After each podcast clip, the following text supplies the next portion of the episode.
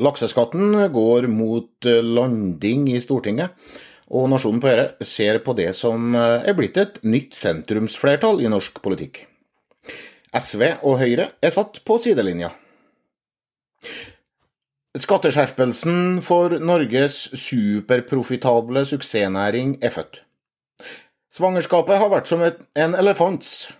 Et digert utgangspunkt som tok lang tid, med et resultat som kan få stor sugeevne etter hvert. Alle partier på Stortinget, minus Frp, vil skjerpe skatten på oppdrett. Men i tur og orden så hoppa partiene av prosessen. Regjeringa så ut til å måtte velge mellom å la Høyre eller SV diktere lakseskatten opp eller ned. Senterpartiets og Geir Pollestads politiske nytelse ved å kunne slippe nyheten om ny lakseskatt må ha vært betydelig. Venstre og Pasientfokus gir regjeringa et aparte flertall, men flertall er flertall.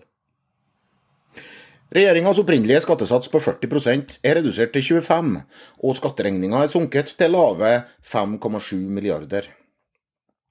Dette er mindre enn de 30 prosentene Høyre takka nei til uka før. Nå må Erna Solberg se sin gamle regjeringspartner, Venstre, stå bundet til laksemasten. Formuesskatterabatten er økt, kommuner og fylker får mer, og Venstre har fått inn anmodningsvedtak om miljø. Sjansen for at Høyre klarer å redusere skatten etter neste regjeringsskifte, har akkurat sunket som uspist laksefôr i fjorden. Også SV, som trodde de kunne trekke regjeringas skatteprosent oppover fra 35, er sur etter å ha blitt finta ut av regjeringa. Kari Elisabeth Kaski prøver seg med at dette øker usikkerheten for laksenæringen. Men børsen sier hun tar feil. De tunge lakseaksjene steg mellom 8 og 12% kort tid etter offentliggjøringa av skatteflertallet. Børsverdien av norsk oppdrett økt 27 milliarder kroner på én dag. Og utsagnet fra Sjømat Norge om at lysene slukkes langs kysten, har aldri fremstått dummere. Og det har fremstått ganske dumt lenge. Folk i Alta har grunn til å gni seg i hendene. Enmannsgruppa til Pasientfokus, nemlig Irene Ojala, må til for at regjeringas skatteforslag skal få de nødvendige 85 stemmene som gir flertall i Stortinget. Hva får Ojala igjen for det? Et nytt sykehus i Alta? Utvida åpningstid på sykestua? Høyre og Frp forsøkte å torpedere lovendringa gjennom å tvinge fram full sal i Stortinget under avstemninga om ny skatt. Som regel stemmer Stortinget over saker med ganske tom sal. Gjennom utskifting av representanter så produserer parlamentet dermed flertallsvedtak, selv uten et flertall i salen.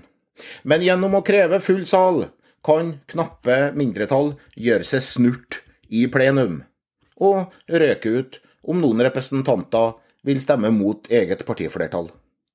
I dette tilfellet så ville én frafallen velte hele saka, siden skatteforslaget jo hadde knappest mulig flertall. Men det var før Rødt tok ansvar, og varsla sine åtte stemmer til støtte for regjeringa. Så mange potensielle avhoppere fra regjeringspartiene med en onkel i oppdrett finnes ikke. Lakseskattens landingsfase viser at høyrepartiene og SV overvurderte sin egen stilling.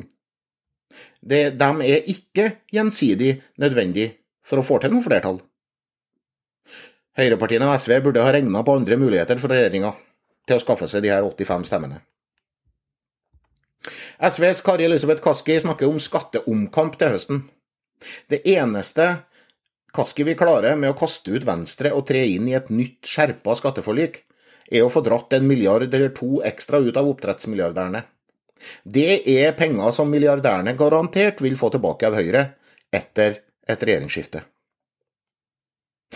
For så lenge regjeringa har Venstre med på et skatteforlik over midtstreken i norsk politikk, så vil det sitte langt inne for Høyre og Frp å tukle med en skatt som de jo sjøl trenger for å finansiere tiltakene sine.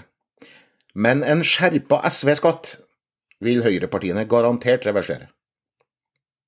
Nå gjenstår det å se om det nye sentrumsflertallet av Arbeiderpartiet, Senterpartiet, Venstre og Pasientfokus vil enes om mer enn en nokså lav skatteskjerpelse på en veldig rik næring.